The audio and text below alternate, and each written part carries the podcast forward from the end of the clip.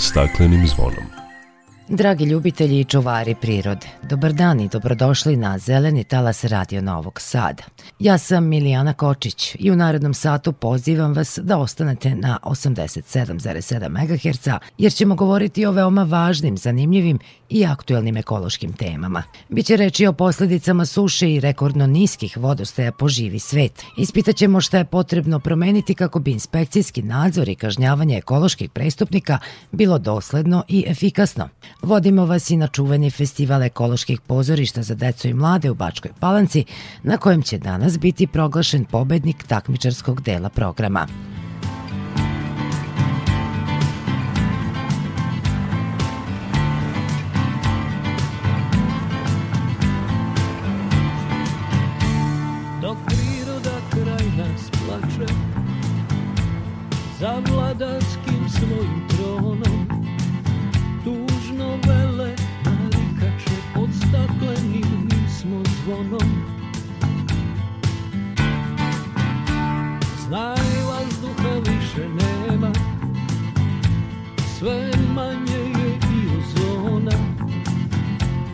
Protiv sebe ide čovek i to često bez pardona. Uništenju živog sveta Kao da su ljudi skloni. Čovek sam je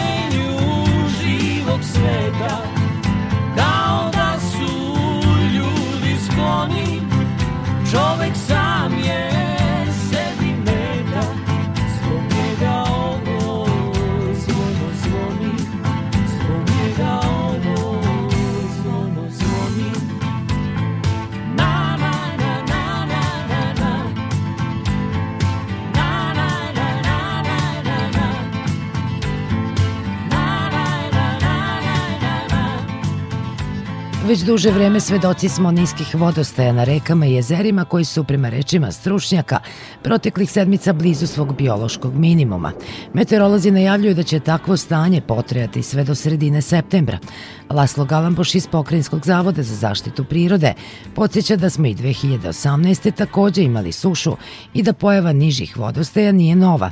Međutim, napomenje on, svaka takva ekstremna promena ima veoma negativan uticaj na riblji fond ti niski vodostaji ovaj, povezani sa povišenim temperaturama mogu u nekim slučajevima imati pozitivan efekat kada te bare i mrtvaje brukavci presuše i pod uticajem povišene temperature i uve zračenja dolazi do bukvalno dezinfekcije prirodnih staništa time što uzročnici raznih bolesti kao što su bakterije, virusi nestaju pa životna sredina je zdravija, odnosno staništa za mnoge biljne životinske vrste bivaju očišćena. E sad ono što jeste veoma zabrinjavajuće da ovo sadašnje stanje traje već prilično dugačak vremenski period i da se ovakvi periodi sa niskim vodostajima, odnosno odsutkom padavina povišenim temperaturama, temperaturama sve češće javljaju i traju sve duže i duže. Ima više struki negativan utjecaj na živi svet. Ove godine, kao i u nekoliko ranijih godina, izostale su prolećne visoke vode na rekama.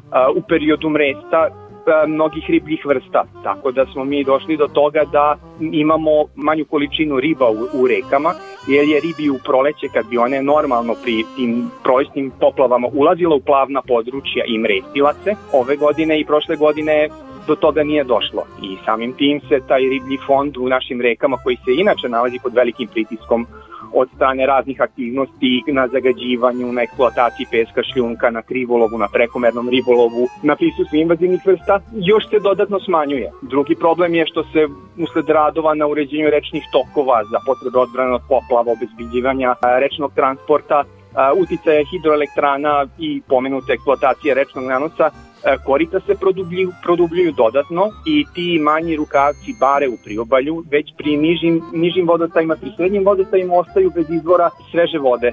Znači ne dolazi do obnavljanja vode, ne dolazi do održavanja tih bara privremenih e, ili periodičnih vodenih staništa e, koje su veoma značajna za mnoge biljne i životinske vrste koje, koje nastanjuju ta močvarna staništa. Ti niski vodostaji utiču i na sušenje okolnih šuma i livada koje traže neki normalan ili srednji vodostaj kako bi mogle da opstanu. Gube se i, i područja značajne za mrest. Usled suše dolazi do ubrzavanja procesa zarastanja svih tih bara, močvara, vlažnih livada, bez neke dodatne ljudske aktivnosti na čišćenju i održavanju tih staništa, sve i da dođe ovaj naredne godine ili u nekom narednom periodu više visok vodostaj u periodu mresta, ta staništa, ta područja su neodgovarajuća za, za riblje vrste da ne kažem da taj nizak vodostaj utiče i na nivoje podzemnih voda, tako da se uticaj suše može osetiti na mnogo većoj udaljenosti od reka, ne samo u samom, u samom koritu. E sad, što se tiče Dunava, ona je tekuća voda, što znači da to kretanje vode ipak uh, utiče na to da ne dolazi do značajnog porasta temperature vode, niti do ne drastičnijeg pada količine rastvorenog kiselnika, što posledično može imati negativan uticaj na, na, na celokupni živi svet reke. Međutim, porast temperature koji jeste evidentan u priobalju i u plićim delovima i niske ili niže koncentracije rastvorenog kiselnika i tekako utiču na ribe. Neke vrste su tolerantnije na, na, na temperaturu i rastvoreni kiselnik, neke ne. Riba ne može da pobegne iz vode, može samo da migrira uzvodno, nizvodno ili da ide negde u neka mesta gde, gde nalazi povoljnije uslove za, za život. Druge vrste jednostavno a, postaju manje pokretne, traže dublje delove u, u, u rečnom koritu tu, i tu umiruju. Prvenstveno strada riblja mlać koja je manje otporna i manje pokretna, odnosno druge vrste koje su slabo otporne na promene u temperaturi i, i, i rastvorenom kiselniku. Bilo je nekoliko slučajeva, nije bilo značajnijeg ili da kažem ajde drastičnog pomora, ali mislim da uginuće je sad već svakodnevna pojava uginuće u nekim manjim količinama, jednostavno riba koja se nalazi u, u priobalju, u barama koje presušuju polako, tu jednostavno dolazi do pomora ukoliko se ne, se ne, ne preduzimaju neke aktivnosti na, na njihovom spašavanju. Uginućem ribe menja se i lanac ishrane, podsjeća naš sagovornik iz Pokrajinskog zavoda za zaštitu prirode.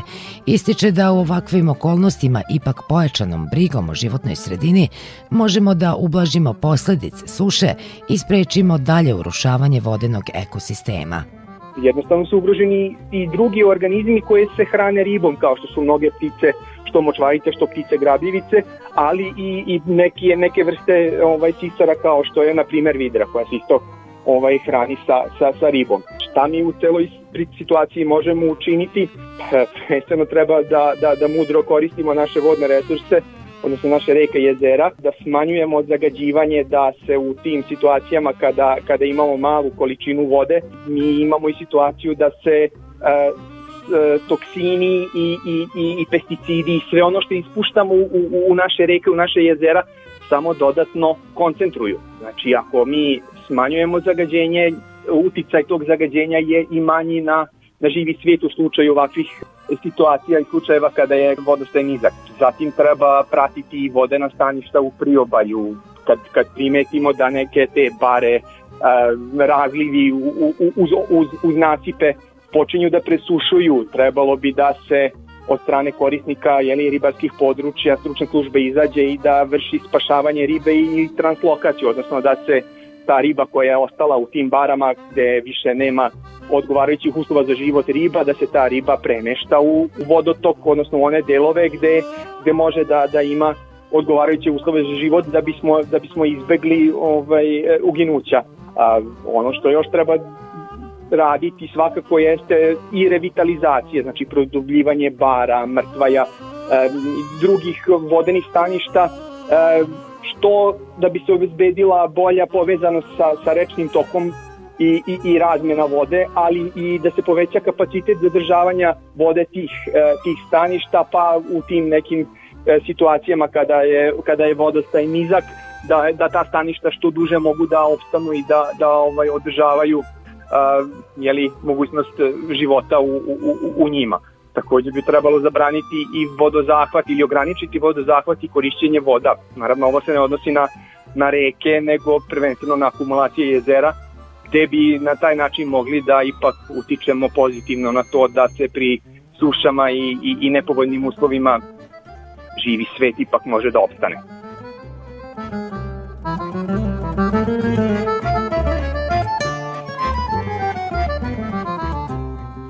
Zbog nedovoljno padavina, u malo vode koja je preostala u Čonopljanskom jezeru kod Sombora, neretko plutaju uginule ribe. Nadležni se zato trude da spase što više njih premeštanjem u druge vodotoke, objašnjava Igor Kolaković iz javnog preduzeća Vode Vojvodine. Translokacija e, ribe fonda podrazumeva prvo izlov preostale žive ribe, smeštanje u velike kanistere koje imaju dotok, e, svež dotok kiselnika konstantno i voze se u najbližu ribolovnu vodu koja je u ovom slučaju kanal Vrbas Bezdan koji je sastavni deo hidrosistema Dunav-Tisa-Dunav.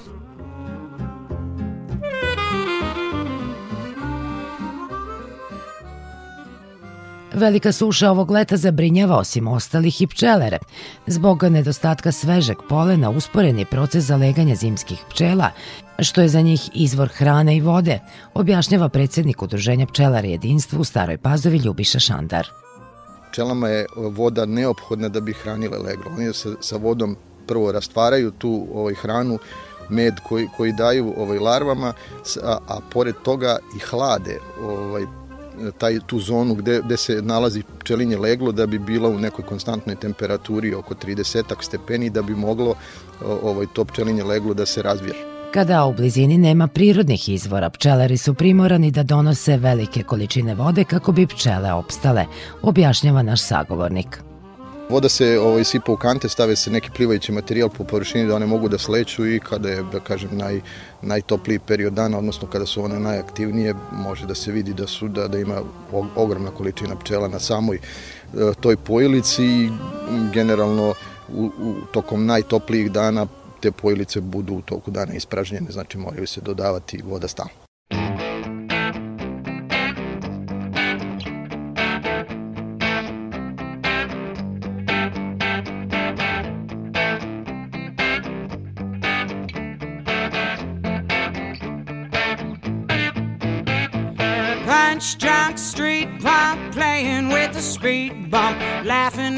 Dice in the box.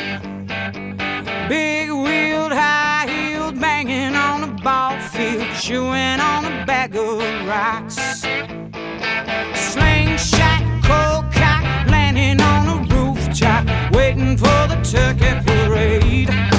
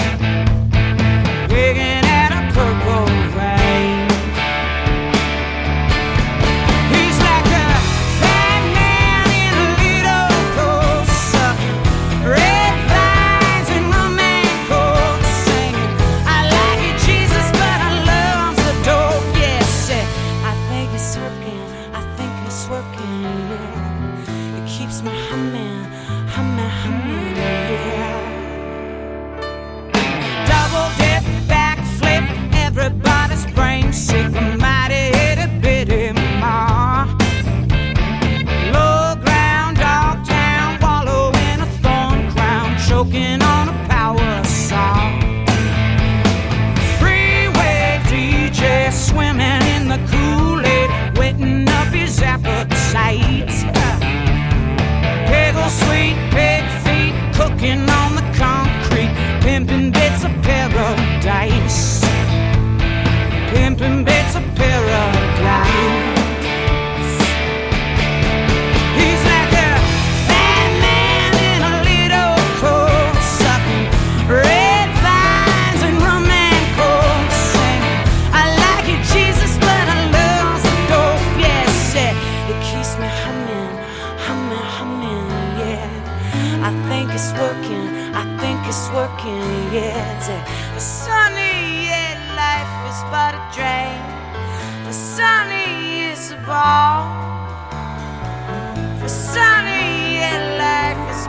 Drain. A mighty itty bitty mall. Mighty itty bitty mall. dry, sober, but smoker can't keep your composure. Locomotive pull over, bipolar roller coaster. Seven women, seven ounce. Lucky number going down. Take a hit, chew, spit. There you go,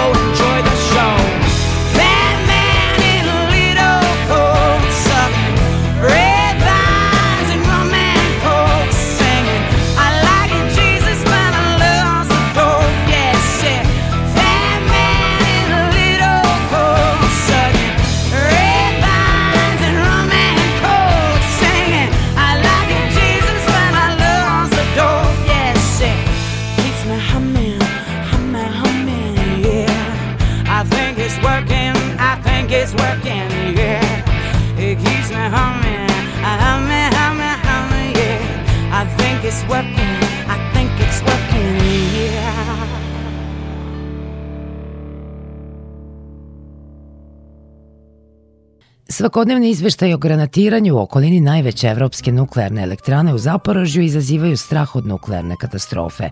Ukoliko bi ona bila direktno pogođena, stručnjaci upozoravaju na posledice teže od onih u Černobilju pri 36 godina. Osim rata i energetska kriza pokrenula je pitanje nuklearne energije i izgradnje novih blokova. Tom temom bavio se naš kolega Slobodan Vidović. Elektrana u Zaporožju nalazi se na jugoistoku Ukrajine uz levu obalu reke Dnjepar. Sastoji se od šest reaktora sa vodom pod pritiskom i skladišti radioaktivni otpad. Teorija kaže da nuklearke mogu da izdrže pad aviona, jak zemljotres, ali skoro svakodnevna granatiranja u njenoj blizini izazivaju strah od katastrofe, kaže predsjednik nadzornog odbora javnog preduzeća Nuklearni objekti Srbije Ilija Plećaš sama elektrana košta preko 100 ili možda 200 milijardi eura. To je ogromna suma novca koja bi bila izgubljena, elektrana ne bi mogla da radi, ogroman deo naroda bi ostao bez električne energije.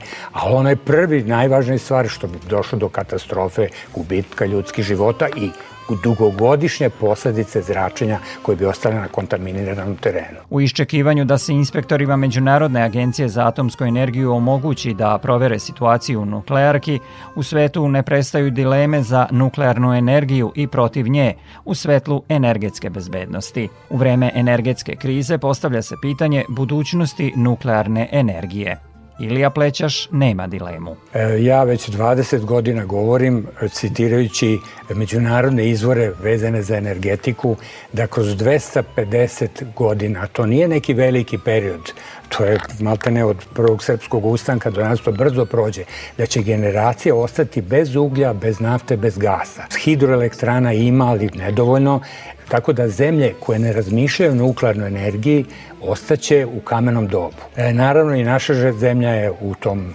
problemu. Mi nemamo, nažalost, nuklearnu elektranu. Posle Černobila donešen je zakon o moratorijumu na gradnju. Trebalo je četiri elektrane da se sazidaju, dve bi bile u Srbiji i to bi bilo jako dobro. Međutim, to se nije desilo. U Evropi se oko 25% struje proizvede iz nuklearnih elektrana, kojih je trenutno 156, a u izgradnji je 13 blokova.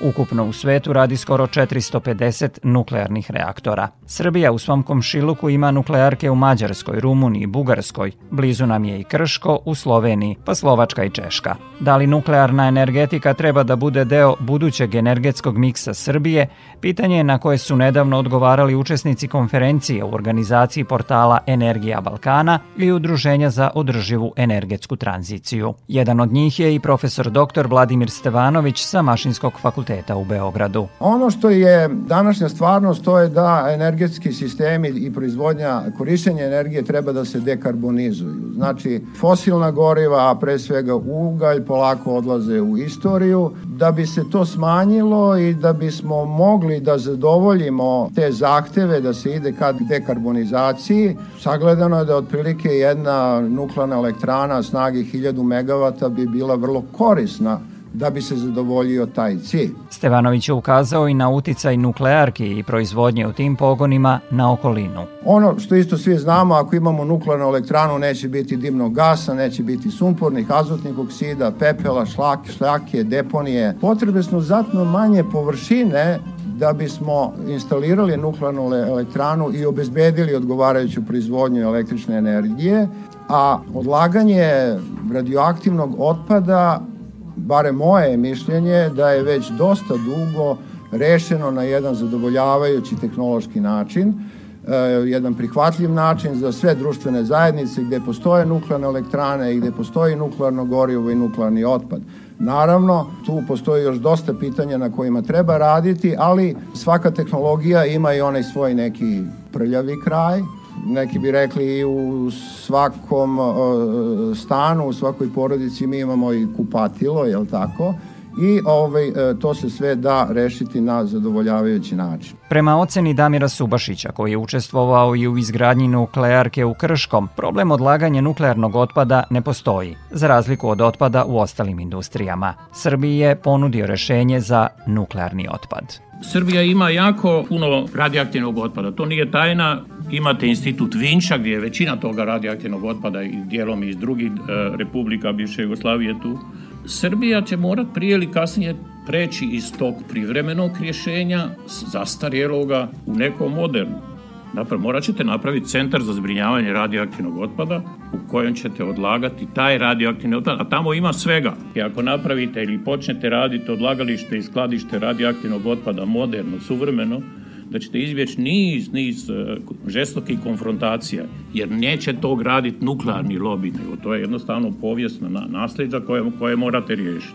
E, još bi samo rekao kako je to riješeno u drugim industrijama to je riješeno tako da nije dovoljno samo jedan primjer, zbrinjavanje otpada i zbrinjavanje plinovitog otpada koji zovemo CO2.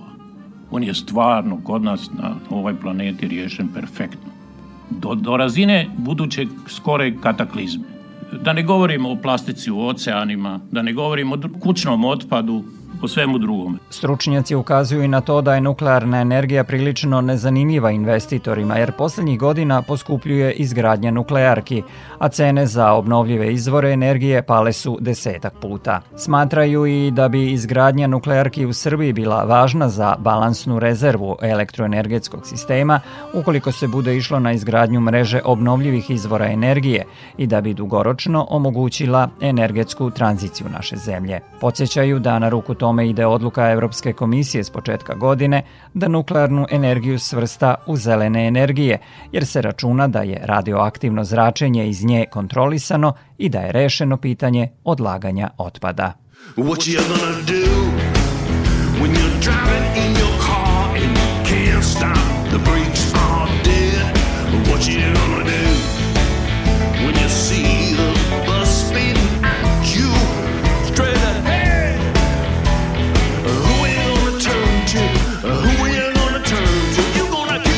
yourself instead. What you gonna do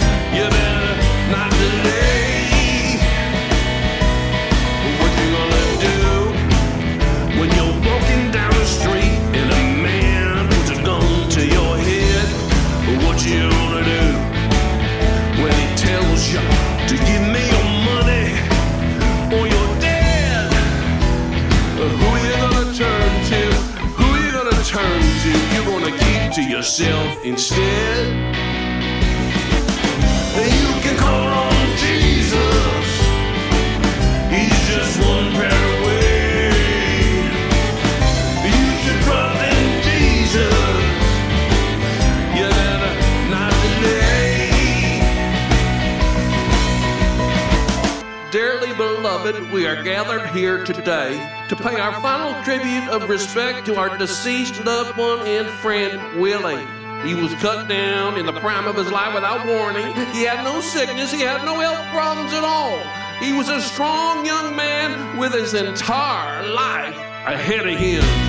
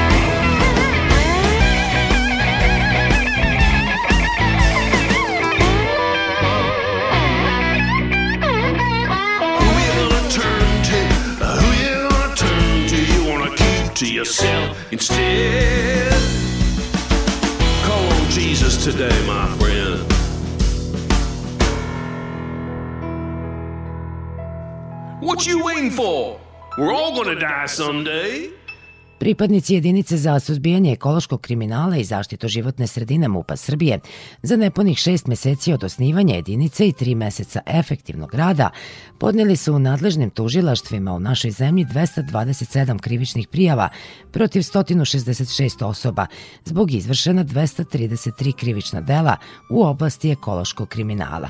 Međutim, prema iskustvima pravnika i inspektora, koje su veoma oskudne zbog nedostatka prakse, U sistemu sankcionisanja ekoloških prestupnika postoje manjkavosti, zato je Regionalni institut za obnovljivu energiju i životnu sredinu objavio smernice za unapređenje pravnog okvira i preporuke dobre prakse za sprovođenje inspekcijskog nadzora u oblasti životne sredine, objašnjava direktor Rerija Mirko Popović.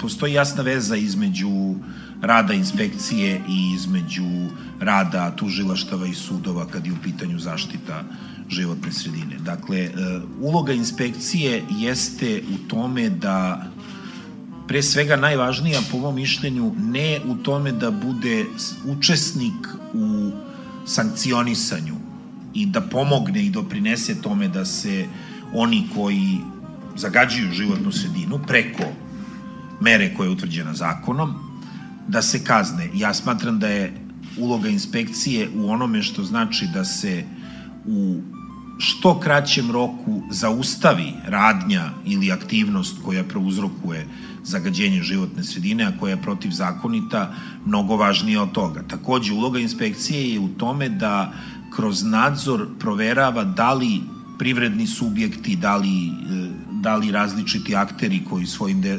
delatnošću proizvode zagađenje, da li primenjuju propise i da li se pridržavaju mera koje su im između oslog propisane studijama o proceni uticaja na životnu sredinu. Tek posle toga sledi uloga inspekcije koja je merodavna da i da pokrene odgovarajuće postupke od prekršajnih preko postupka za privredni prestup do krivičnih postupaka, dakle koja je, ima mogućnost da te postupke inicira, ali isto tako jako je važno mesto inspekcije i u posebno u krivičnom postupku.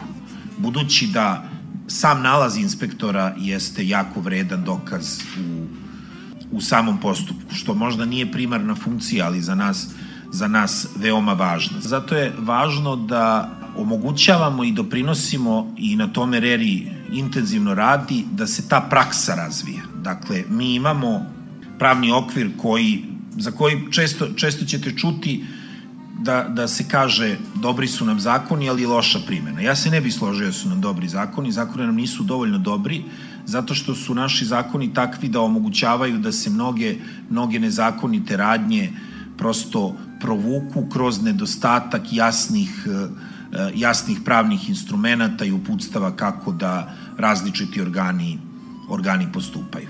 A sa druge strane, osim što nisu dobri, tačno je i da ih, i da ih ne primenjujemo dovoljno.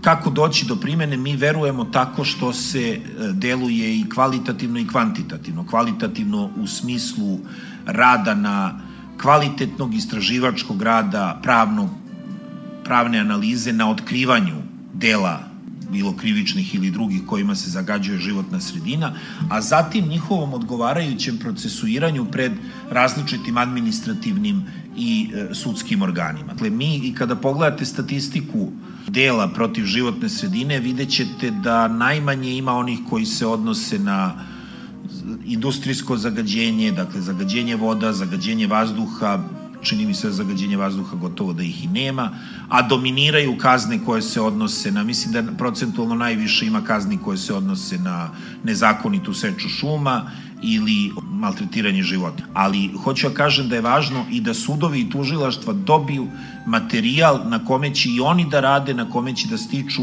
praksu i da razumevaju obim, intenzitet i značaj krivično-pravne zaštite životne sredine, a sve u funkciji toga da se da se, ostva, da, da se omogući ostvarivanje prava na zdravu i očuvanu životnu sredinu.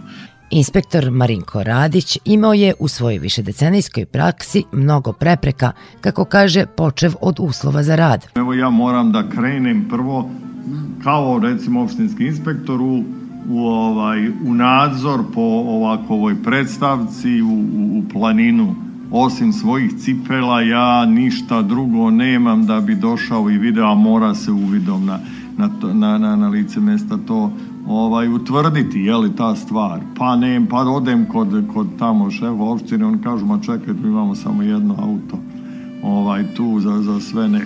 Nemamo mi tu vremena, što drugi ima i važniji stvari ovaj, oko toga.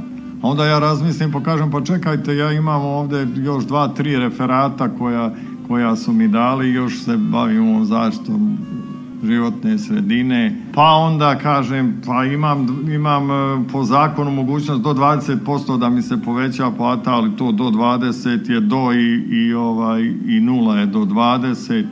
Pa čekaj da vidim koja je, koja je moja muka, hoće li tu neko da mi, da mi nešto pomne, kome da se ja obratim a usto tamo je šumu, šumu sekao ili gradio ovaj, onaj, onaj prvi rođak od mog kuma tamo od komšija i tako dalje i tako dalje. U praksi Regionalnog instituta za životnu sredinu pokazalo se da ima manjkavosti i u inspekcijskom nadzoru i u postupku dokazivanja krivične odgovornosti, naročito kad je reč o velikim zagađivačima u manjim mestima, objašnjava advokat Ljubica Vukčević. Kada postupajući inspektor e, obavi inspekcijski nadzor nad jednom kompanijom, utvrdi e, da ta kompanija nezakonito posluje i da je recimo težina nezakonitosti takva da ispunjava uslove za postojanje krivičnog dela. U dosadašnjoj Rerijevoj praksi smo primetili da se postupajući inspektori namerno ili nenamerno e, služe svojom zakonskom mogućnošću. Dakle, kada optiraju da li protiv kompanije da pokrenu prekršajni postupak, odnosno e, zahtev za pokretanje prekršajnog postupka, privrednog prestupa ili krivičnu prijavu, inspektori očigledno izbegavaju da podnesu krivičnu prijavu tužiocu i samim tim e, stvori jednu mogućnost da se e, e pravno lice koje nezakonito posluje E, kazni adekvatnom kaznom, a u krivičnom postupku to može biti kazna i zatvaranja neke kompanije ili zabrana kompaniji da obavlja delatnosti u vezi sa krivičnim delom na određen period. Dakle, ono što, što je jako važno jeste da naglasimo da je krivičnim zakonikom Republike Srbije životna sredina prepoznata kao zaštitni objekat i postoji čak 18 krivičnih dela protiv životne sredine, od kojih su svakako najznačajnija i najopasnija zagađenje životne sredine i oštećenje životne sredine. E, u Republici Srbiji gotovo da nije primenjivan zakon e, koji otvara mogućnost da za krivična dela odgovara kompanija, odnosno pravno lice. To je do sad prolazilo nezapaženo. Niko, e, niko nije podnosio krivične prijave i Reri je do sada podneo e, više krivičnih prijava protiv, protiv kompanija. Dve su, da kažem, najznačajnije za praksu u krivično sudskoj oblasti. To su krivična prijava zbog zagađenja vazduha u Boru i krivična prijava zbog zagađenja reke Mali Pek u Boru. Dakle, RER je podneo dve krivične prijave protiv pravnog lica kompanije Zijin i ono što je jako, da kažem dobro, jeste što su e, nadležni javni tužioci u e, ovim postupcima postupali. Dakle, e, u dosadašnjem zidu e, odnosno odbacivanju krivičnih prijava, jer javni tužilac ima tu mogućnost da diskreciono e, odluči da ne postoje osnovi sumnje da je izvršeno krivično delo i odbaci krivičnu prijavu bez nekog preterano smislenog obrazloženja ovaj, praktično tu vam zatvara put da, da, nastavite, da nastavite gonjenje. E, u ova dva slučaja e, nadležna tužilaštva su postupala po krivičnim prijavama Rerija i e, u jednom od ta dva, kad je reč o krivičnom delu zagađenje vode, odnosno to je sve zagađenje životne sredine, čak je doneta e, naredba kojem je javnog tužilaštva, kojom je naloženo kompaniji Zijin da uplati iznos od milion dinara u humanitarne svrhe. Dakle, a u vezi sa krivičnim delom zagađenja životne sredine. Zašto je ovo bitno? Jako nam je bitno za praksu, praktično da e, upoznajemo tužilaštva sa ovom oblašću, da upoznajemo tužilaštva sa mogućnošću da procesuiraju kompanije zbog krivičnih dela. E, oblast je jako stručna, tužilaštva nemaju e, potrebna znanja da utvrđuju činjenično stanje. Jako je bitno e, raditi na razvijanju ove prakse. E, posebno kad je reč o odgovornosti pravnih lica. E, ovo posebno zato što e, postoji i razumevanje za neka tužilaštva u manjim sredinama. Znate, e, kad, kad se podnese krivična prijava protiv kompanije koja je najveća jedina kompanija e, u vašem gradu, u okolini, e, biti postupajući tužilac koji je podneo optužni akt, e, sigurno da nije lako, da je potrebna i hrabrost i stručnost da se postupak pokrene, da se u postupku e, ostane i da se postupak dovede do kraja. Dakle, da sud utvrdi činjenično stanje i da zaista izrekne odgovarajuću presudu. Kada građani kao fizička lica uoče kršenje zakona o životnoj sredini, sve što mogu je da nadležnima pošalju predstav koji upoznaju ih s tim da postoji problem u njihovom okruženju, kako bi tamo bio poslat inspektor. Međutim, nakon toga stranke više nisu deo postupka, što predstavlja problem, ističe advokat Nikola Gagić. E, moram da priznam da je zakonodavac tu napravio jednu dobru stvar. E, u moru tih predstavki stvarno te predstavke su brojne zato što ih podnose razna lica, nekada iz neopravdanih razloga, često iz neopravdanih razloga i zakonodavac je morao da podvuče jednu crtu da napravi jedan cenzus koje predstavke se uzimaju u obzir uopšte. I u tom, tom podvlačenju granice e, zakonodavac je omogućio da inspektor ne pok, nije dužan da pokrene inspekcijski nadzor ukoliko se radi o neznatnom riziku ili, ili o zloupotrebi prava. Međutim, kako je to regulisao, nije ulazio dublju analizu i objašnjenja šta to znači neznatan rizik, šta to znači zloupotreba prava. Samo je u kratkim crtama naveo moguće rizike. Ali po nama mi smatramo da postoji potreba da se donese jedan pravilnik, jedan opšti akt, jedne preporuke koje će služiti inspektorima da utvrđuju šta znači neznatan rizik. Iz razloga što tolerancija rizika zavise od čoveka do čoveka. I iz tog razloga, zbog pravne sigurnosti i zbog zloupotrebe prava nad pravom građana, mora da se uredi ovaj sistem koji po nama nije dovoljno definisan. Prema oceni stručnjaka za unapređenje nadzora i sankcionisanje zagađivača životne sredine, potrebno je građanima omogućiti da nadležnima podnose zahteve, a ne predstavke, inspektorima poboljšati položaj i povećati im broj, a tužioce edukovati u oblasti zaštite životne sredine.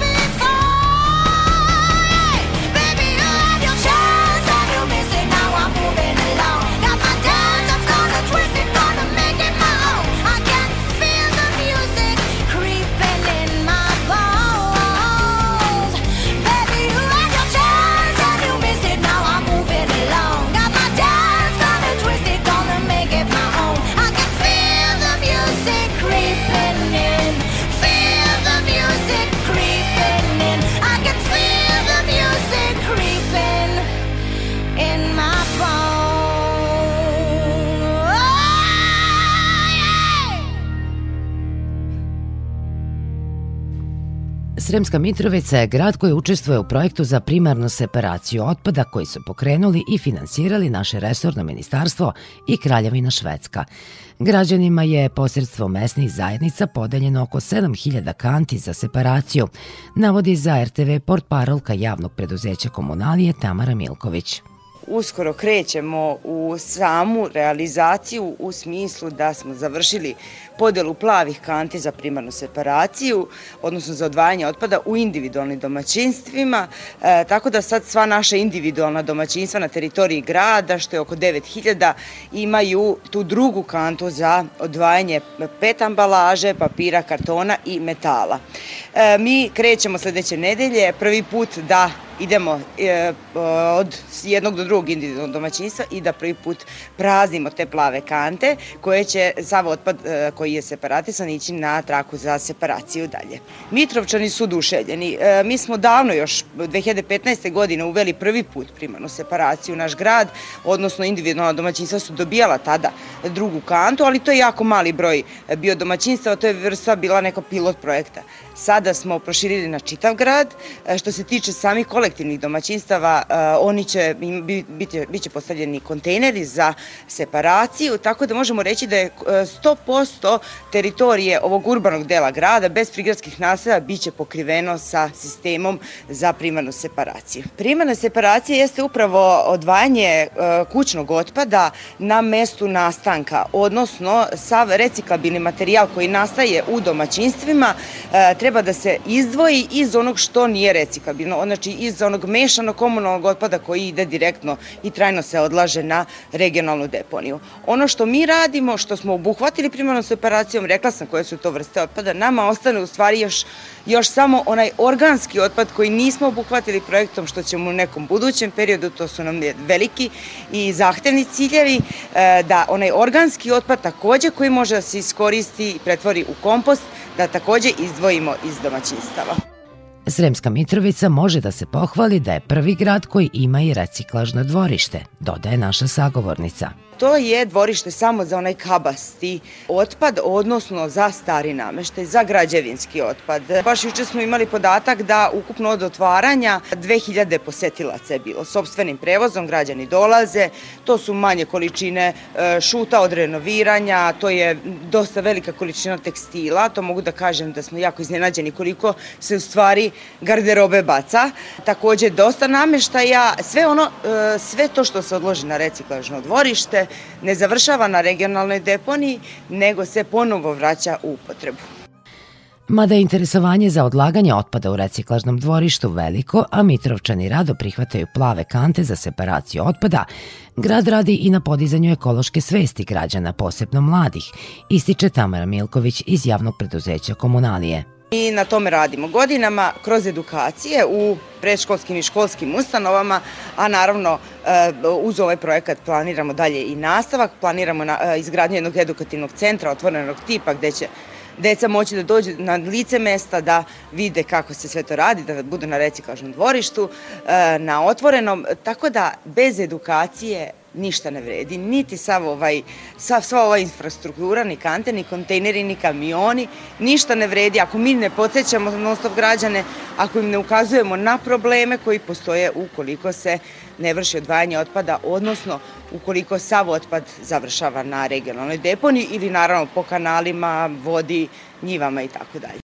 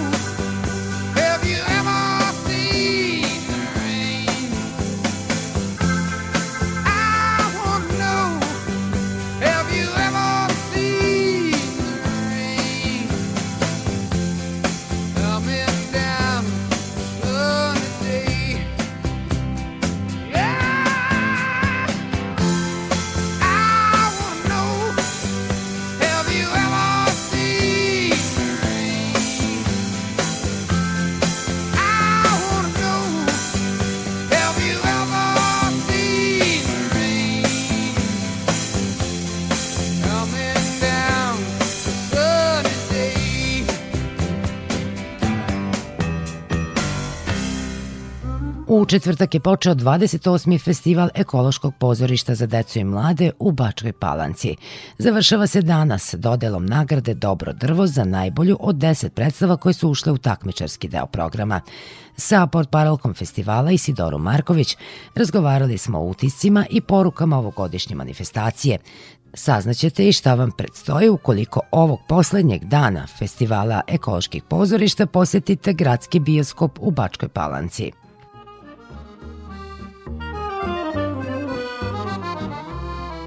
Ovogodišnji slogan festivala bilo je kretanje. Koje teme su bile u fokusu glavnog i pratećeg programa? Da, upravo kroz ovogodišnji slogan kretanje smo zapravo želeli da ukažemo na više problema kojima je zajedničko kretanje. Prvo od njih je izbjeglička kriza, odnos, odnosno odnos prema izbjeglicama i migrantima na lokalu, ali i u svetu, kao i odnos prema drugačijima uopšte. Ovo je veoma aktualna tema upravo u našoj e, lokalnoj zajednici, kako smo mi pogranična regija, tako smatramo da smo uspeli ovim da E, sprovedemo jedno kvalitetno istraživanje i da edukujemo našu najmlađu publiku, ali i onu stariju, jer upravo prehodnih dana smo se obraćali ne samo deci, nego i mladima. Tu je naravno ekološka kriza, zapravo kretanje u prirodi i e, život naše planete u trenutku najveće ekološke krize i klimatske promene. Evo i svedoci smo kako se brzo promeni vreme od ovih e, vrućina koje smo imali prošle sedmice, to je tokom ove sedmice pa do ovih promena koje su nam juče stigne. Potom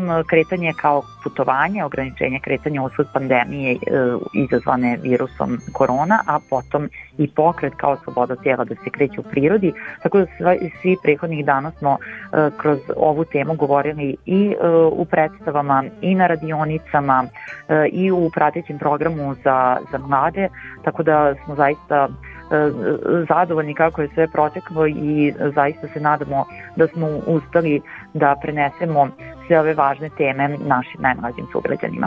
Festival je kao i protekli godina humanitarnog karaktera. Tako je upravo humanitarnog, a istovremeno ekološkog karaktera, jer zapravo sve ono što mi na, na festivalu radimo jeste upravo u ekološke e, svrhe, pa je tako e, ulaz na predstave E, da bi se obezbedili ulaznice ove godine bilo potrebno da reciklirate, da donesete reciklažni otpad u zamenu za kartu za predstavu ili da donirate 200 dinara, a e, takođe osim e, ove, ovog načina za e, preuzimanje ulaznica i prehodnih dana smo zapravo reciklirali, a i nastavit ćemo da recikliramo i e, elektronski otpad i staklo i sve ono što zapravo svako od nas ima u svojim domovima, ali inače e, ne može, ne zna gde da odnese, pogotovo u Bačkoj Palanci gde je sve manje tih e, kontejnera gde zapravo možemo da sortiramo otpad, e, pa tako sve ovo ide u humanitarne svrhe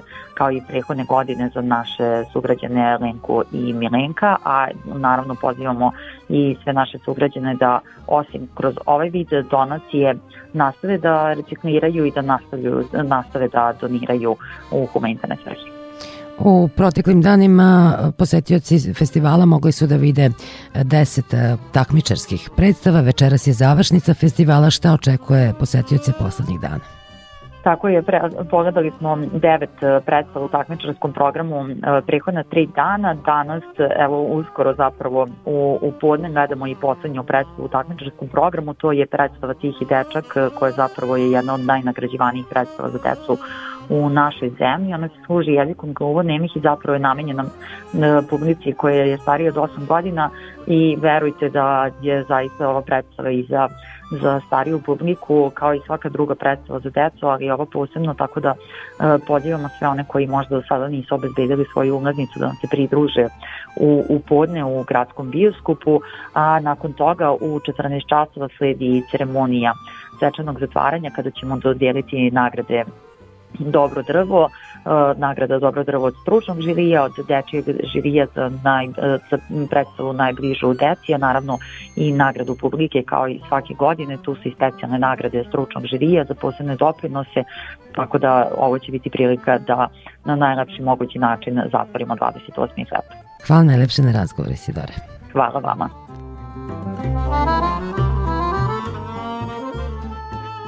Dragi prijatelji, bilo je to sve što smo za vas pripremili u ovom izdanju emisije pod staklenim zvonom.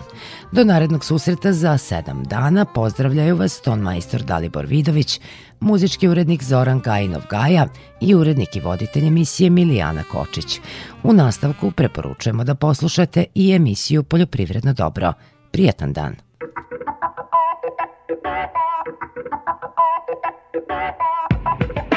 She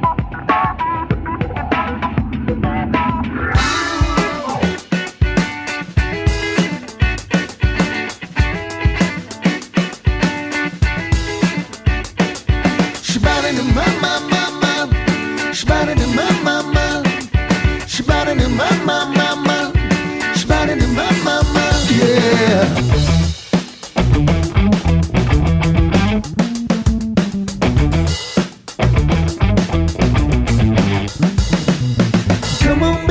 slip away. You I'm in right away. Don't make sense if it ain't the real.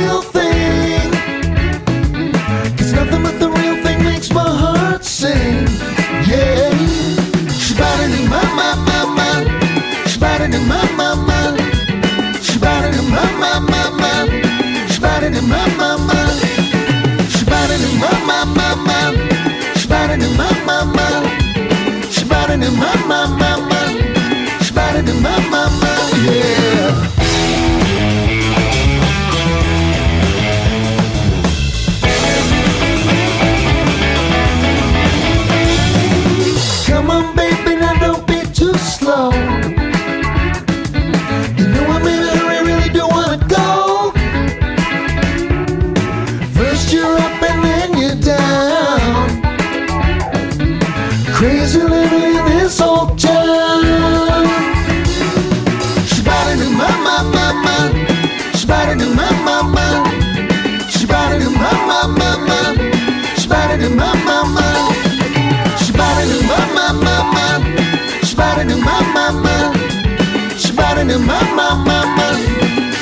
mama, mama.